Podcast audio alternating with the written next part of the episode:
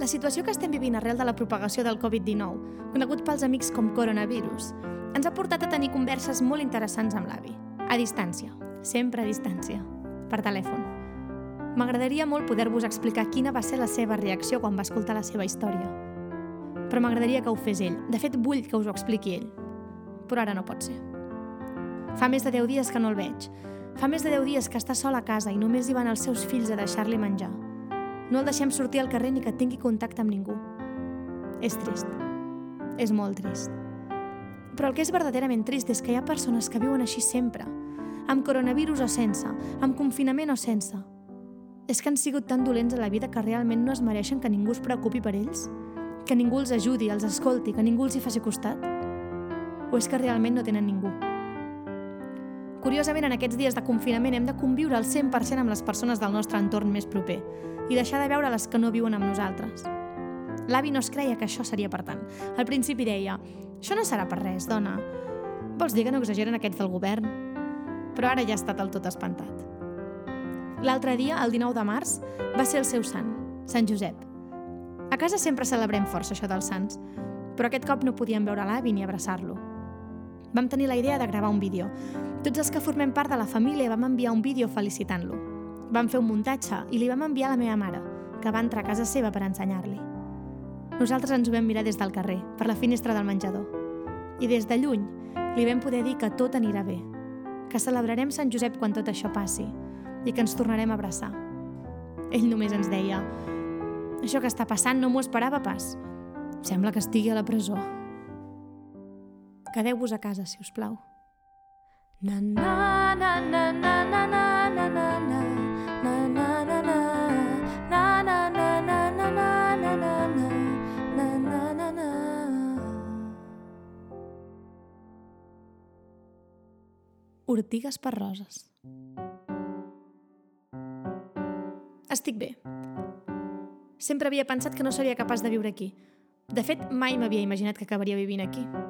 Però sempre havia pensat que no hi seria capaç de viure. I mira, ja hi porto uns quants anys. Sempre pensava que no podria dormir a les nits perquè sentiria tots els sorolls, que no són pas pocs. N'hi ha alguns que es repeteixen cada nit a la mateixa hora, i el meu cos ja es desperta uns minuts abans de sentir-los. Maleït rellotge biològic. Pensava que les olors serien molt fortes i que em marejaria. Mai m'han agradat les olors fortes. De fet, ni tan sols les colònies, però alguna coseta suau encara seria capaç de posar-me. Aquí se senten olors de tota mena. Fortes, suaus, afruitades, de merda... De fet, si no fos per aquesta última, podríem estar perfectament en una perfumeria, eh? Quan tenia 14 anys vaig treballar a la perfumeria dels veïns durant l'època de Nadal. Necessitaven ajuda i la mare m'hi va fer anar, i que així em guanyés els meus primers calarons. Al principi només fregava. Rebia els proveïdors que portaven les colònies que havien demanat i les col·locava a les estanteries. Després vaig començar a embolicar, cosa que no suportava i que, de fet, no era pas el meu fort. Però quan van començar els dies forts i allò s'omplia de gent comprant i comprant sense parar, la veïna, la jefa de la perfumeria va caure malalta i davant de tal situació tan desgraciada em va tocar vendre. Jo no en tenia ni idea de colònies, com bé podeu suposar, però la supervivència és meravellosa. Allà va començar tot, potser. Què voldria senyor? Voleu colònia d'home ben bona, moltes opcions, però es quedarà amb aquesta perquè és la millor. Delicades fruites amb olor de rosa i lavanda, és la més cara, però en tinc només quatre, sereu l'enveja de tots. Moltes mercès i adeu-siau. Què voldria, senyora? Portar colònia nova, ben bona.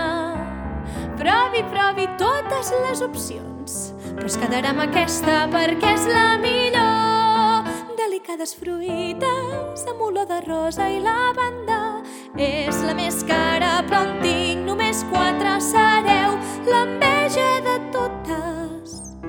Gràcies per comprar, per Nadal un bon regal. Molt bones festes i adeu. Que m'emportés comissió. Tenia l'amo de la botiga contentíssim. Estava clar que teníem caixes plenes d'aquelles colònies tan cares. Però és que la gent és imbècil. Te'n fotia si era una dona o un home. Que era per una dona? És una colònia ideal per dones. que era per un home.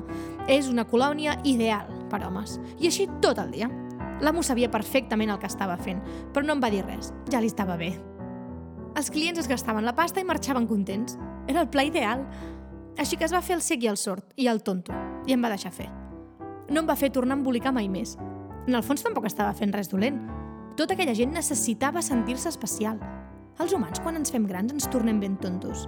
Tenim la necessitat de sentir-nos únics, de sentir que no hi ha ningú com nosaltres, que som especials. I amb els regals és encara més exagerat. Hem de fer sempre el millor regal. Quan es fa una festa d'aniversari, és un puto concurs de veure qui li fa el millor regal. Merda, la tieta li ha comprat aquell jersei caríssim. Merda, l'àvia ha comprat aquella bicicleta que el nen volia. El meu regal serà un regal de merda. I sempre ens pensem que els regals més cars són els millors. A mi també m'agrada sentir-me única i especial.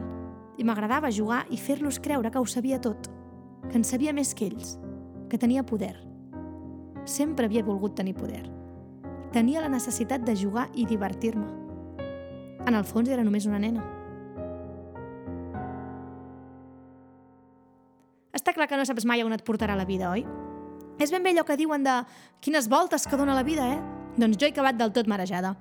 Mireu, els meus avis tenien una casa a un poble de la muntanya que per arribar-hi havies de fer una carretera de corbes inacabable. Quan era petita i la mare em deia que anàvem a casa als avis, ja em venia vomitera. Sempre he sigut molt de marejar-me jo amb les corbes, les atraccions de la fira, les olors fortes. Però arriba un moment a la vida en què tot queda relativitzat. Sempre vaig envejar molt la meva germana, que quan anàvem a casa als avis era capaç de llegir un llibre a la carretera de corbes. I jo havia d'anar concentrada mirant endavant i amb una bossa a la mà per si de cas. Ho recordo com si fos ahir. Anàvem amb el 127 de color blanc, la ràdio posada i les finestres sempre baixades, fos estiu o hivern, perquè així em toqués l'aire a la cara. Quan no ens agradaven les cançons que posaven a la ràdio, cantàvem nosaltres a pleno pulmó.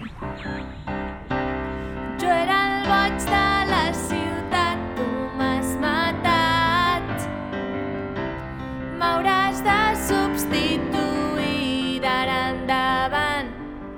la Marta, la meva germana, vam anar al concert de rock català al Palau Sant Jordi el 14 de juny del 91.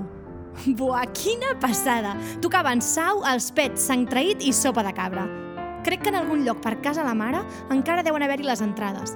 Les vam guardar com si fossin un tresor. De fet, eren un verdader tresor, perquè la mare no sabia que anàvem al concert. És que no ens hagués deixat anar-hi. La mare era moderna, però protectora i estalviadora. Va tirar endavant ella tota sola la família i no es podia gastar els diners per les entrades. Però és que era una necessitat primordial. Jo necessitava sentir-me lliure, sentir-me gran, sentir que podia fer el que volgués. Ara que ho penso, Potser allò d'abans de la perfumeria només va ser el preludi. Potser va ser qui on va començar tot. En silenci vaig llevar-me a poc a poc. Vaig estar-me quieta esperant el seu son. Mai no l'havia vist dormir, compassió vaig sentir. El seu despatx estava ple de paperots havia un sobre que hi tenia escrit el meu nom, però no tenia gaire temps i vaig agafar-li els diners. Certament, tot allò que feia malament n'era conscient,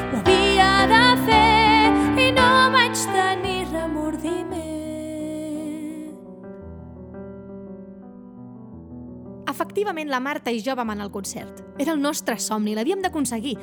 La Marta al principi estava una mica cagada. Ella sempre ha sigut més cagada. Veus? En això no l'envejo.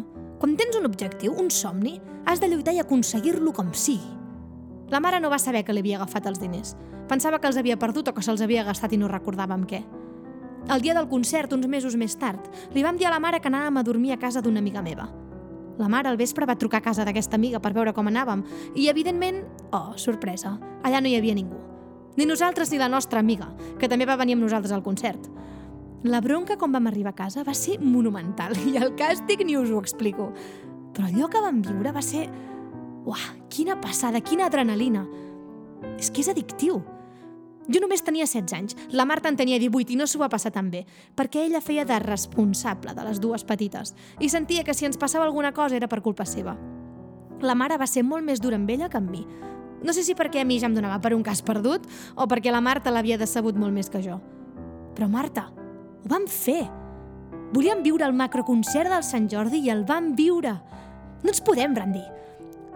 La Marta sempre havia volgut ser escriptora, però la mare li deia que això no donava diners, que no era una feina, que estava bé fer-ho de hobby. Sempre ha sigut molt poruga la Marta. Pel que sé, se'n van a treballar al poble dels avis de mestre de l'escola d'allà. Flipo. M'agradaria pensar que ha sigut per culpa de la carretera inacabable de Corbes, que els avis i la Marta no m'han vingut a veure mai. Però no. Ni els avis ni la Marta no s'han marejat mai a la carretera de Corbes. Després de passar una adolescència xunga de debò, quan tenia 19 anys em vaig enamorar profundament del Xus. Mejor dicho, profundamente. El Xus era un madrileny instal·lat a l'Empordà. Era un guitarrista d'un grup de punk rock. No els coneixia ni Cristo, però ells feien gires per tota Europa. Tenia els cabells llargs i perilla. Fumava i bevia com un condemnat. Tots ho feien. No, no és que ell ho fes més que els altres, eh? I jo el seguia allà on anava. Ho vaig deixar tot per ell. La mare m'havia aconseguit una feina de secretària en un metge de Barcelona que m'agradava bastant, la veritat. No havia de fer gairebé res. Agafar el telèfon, obrir la porta, fer esperar els clients a la sala d'espera i cobrar. Era un metge pediatre bastant reconegut a la ciutat i hi venia gent molt ben vestida. I els cabrons els hi cobraven una pasta per 10 minuts de visita. 5.000 peles! El Xus em va proposar de marxar amb ell de gira durant 4 mesos per Europa. Però és que jo no tenia ni un duro. El Xus em va dir Hombre, a ver, yo voy a cobrar de los conciertos y te puedo dejar pasta. Además que vivimos en la furgo todos, así que no tenemos mucho gasto, pero claro, cuatro meses son cuatro meses, Leona. Igual si no tienes pasta, mejor nos vemos en la vuelta. Es que las pibis del Coca y del Luis se lo pagan ellas. El grupo no lo puede asumir, ya sabes que esto del punk rock no da para mucho tampoco. Home, si les pibis del Coca i del Luis hi anaven, jo no podia ser. Era una necessitat. Estava enamorada. Era l'amor de la meva vida. L'home amb el que volia passar la resta de la meva vida. Ho tenia claríssim. Marxaven al cap d'un mes. Tenia 30 dies per aconseguir la pasta. Així que no m'ho vaig pensar gaire, la veritat. Era evident que tots aquests clients de Sarrià i de Pedralbes no els hi venia d'unes quantes peles. Pels seus fills el que faci falta. Potser va ser aquí on tot se'n va començar a descontrolar. Hola, família, què tal? Com ha anat la visita? Una firmeta, si us plau. Seran 10.000 peles de frau. Ah, de, de, de, de, de trau, de, del trau del nen, eh? I si paguen efectiu, li farem un descompte atractiu. I per mil peles més entrarà en un sorteig d'un viatge al Carib. No s'ho pensi pas més perquè és per. Gràcies si us toca us escric. Em vaig adonar que m'era absolutament igual si eren pijos amb pasta o si eren famílies com la de la Paquita, la iaia del Pep. Aquella família no tenien molts diners. De fet, el nen sempre venia acompanyat de l'àvia perquè els seus pares treballaven, però preferien la sanitat privada per estalviar-se cues i perquè tenien la sensació que era més bona. I clar, tenint en compte que el nen tenia una malaltia greu de naixement... Hola, Paquita, com està el seu net? No plori, dona, és un nen molt valent. Del mes passat seran 25.000. Ho feia per diners, però no només, ho feia per sentir-me bé. Tenir la situació sota control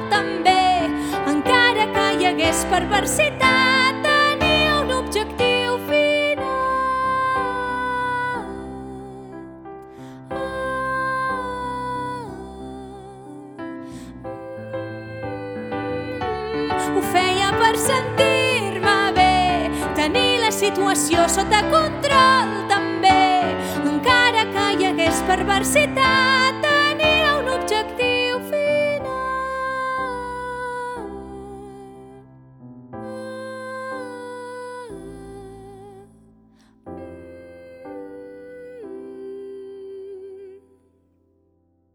Així doncs vaig agafar tots els diners que havia fet al despatx i me'n vaig anar amb el xus de gira per Europa. Mare meva, primer vam anar a Holanda i els holandesos estan pirats. Festa per aquí, marihuana per allà i que no pari mai el ritme. Déu meu, quina bogeria. El xus fent concerts de punk rock gairebé cada nit i jo, jo sentia com si ells fossin els Rolling Stones i jo la dona d'un d'ells. Beguda gratis, seguretat, camerinos, autèntiques estrelles. Tot el públic sabia les seves cançons i cantaven com bojos. What the hell am I doing here if I haven't fucking just never come to me? Vam estar quatre mesos entre Holanda, Alemanya i França. Em vaig quedar, evidentment, sense un puto duro. I mira que havia fotut pasta, eh? Quan feia una setmana que estava fora, vaig trucar a la mare. Més que res perquè no patís. Em va cardar una bronca espectacular. Però jo ja tenia 19 anys. Ja no m'importava el que em digués, era lliure. Em va dir que el metge m'havia denunciat per estafa als seus clients i a ell mateix. Així que no li vaig poder dir a la mare on era, perquè potser m'haguessin pillat. La Marta no va voler ni parlar amb mi. Es va acabar la gira, el nostre moment de glòria, i pum, patacada a la realitat. Allò sí que va ser d'hòstia, no això d'ara. L'hòstia que ens van fotre va ser monumental. O sigui, més aviat la que em vaig fotre jo, la veritat, perquè el xus ja sabia de què anava tot allò. Però jo m'havia cregut que vivia en un altre món, amb un altre nivell. M'havia cregut que viuria així tota la meva vida, que no s'acabaria mai. Però es va acabar. Ui, tant si es va acabar. No sé molt bé en quin moment i en quin país. Segons els meus càlculs crec que va ser a Alemanya, a Düsseldorf. Però em vaig quedar prenyada. Només m'he quedat prenyada un cop a la vida i va ser fotent gira amb els punk sols. El Xus, quan ho va saber, va estar tan content. Seguro que es una niña, porque dicen que cuando la madre se pone fea es niña, y tú ahora estás fea feíssima. No li vaig dir res a la meva mare. La Maria va néixer a Bad Bergzabern. Jo currava en un bareto de mala mort durant el dia i el Xus al mateix bareto, però de nits. Tornava tardíssim. La nena la vam fer créixer com vam poder. Sovint havíem de fer hores extres per pagar el lloguer de l'antro on vivíem i la nena es quedava amb la veïna, que a canvi de que es quedés la nena li havia de fregar casa seva sencera. Sempre vaig pensar en trucar a la mare i explicar-li i dir-li que jo també estava tirant endavant una família tota sola. Però em feia por que m'enviés a la merda i que em delatés. Ja hi havia masses coses que em perseguien. El Xus es va morir de sobredosis quan la nena només tenia dos anys. I la resta no cal que li expliqui, no? Això ja ho sap vostè, senyor jutge. Que si me n'arrepenteixo? No. Gens. Tornaria a fer exactament el mateix una vegada i una altra i una altra i una altra.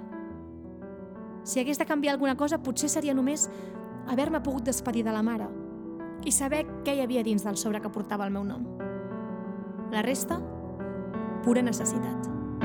Ho feia per sentir-me bé, tenir la situació sota control també. Encara que hi hagués perversitat, tenia un objectiu final.